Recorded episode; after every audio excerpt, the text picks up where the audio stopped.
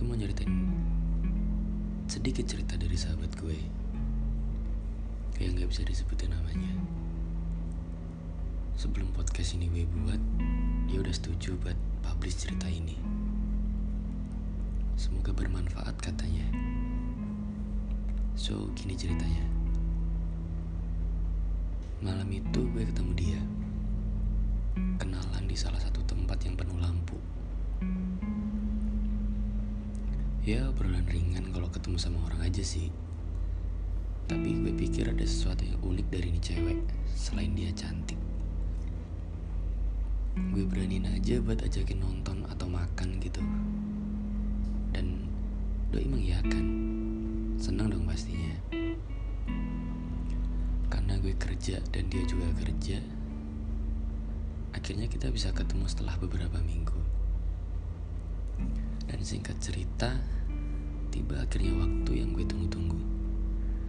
Gue ketemu lagi sama dia di salah satu mall di Jakarta. Jalan-jalan gak jelas, ngobrol sana sini ketawa-ketawa. Lalu gue ajakin dia makan. Karena emang kita maksain buat ketemu setelah pulang kerja.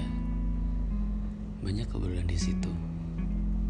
Dan yaps, seperti yang gue pikir, Doi so smart and visioner parah.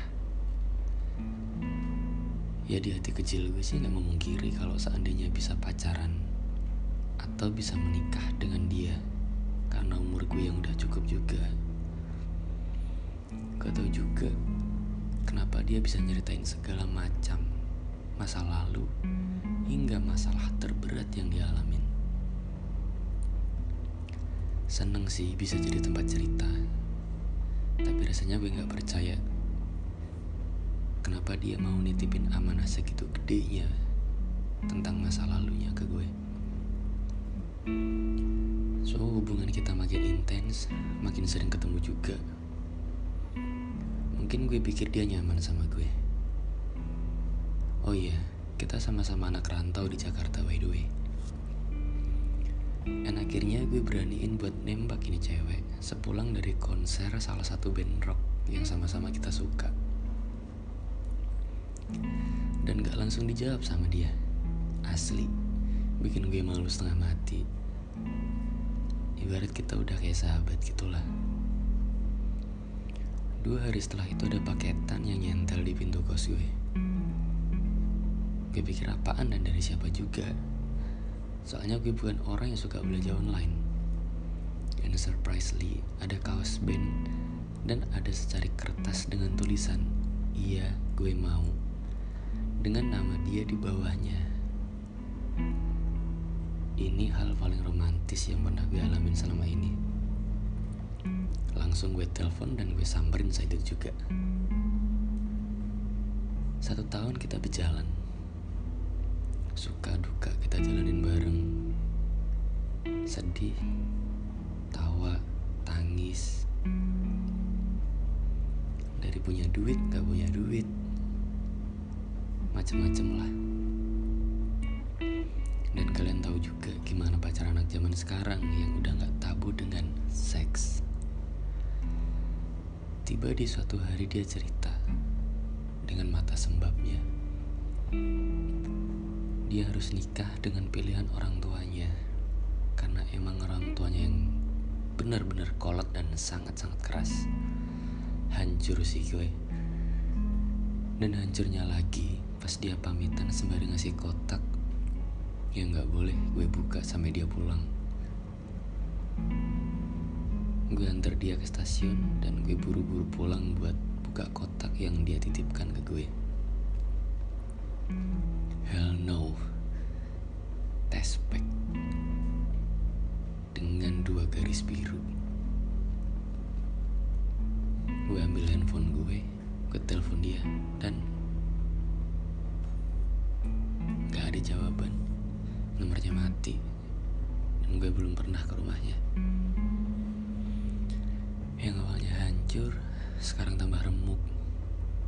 Parah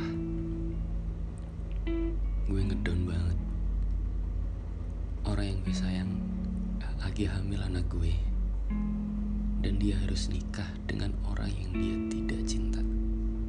God damn. Ada kertas yang bertuliskan, Hai sayang, ini anak kamu. Bakal aku rawat sepenuh hati. Aku gak mungkin menentang orang tuaku. Maaf aku jahat. Maaf, aku harus untuk pulang. Kamu baik-baik di sana. Suatu hari aku pasti ketemu sama kamu. Aku sayang kamu selamanya.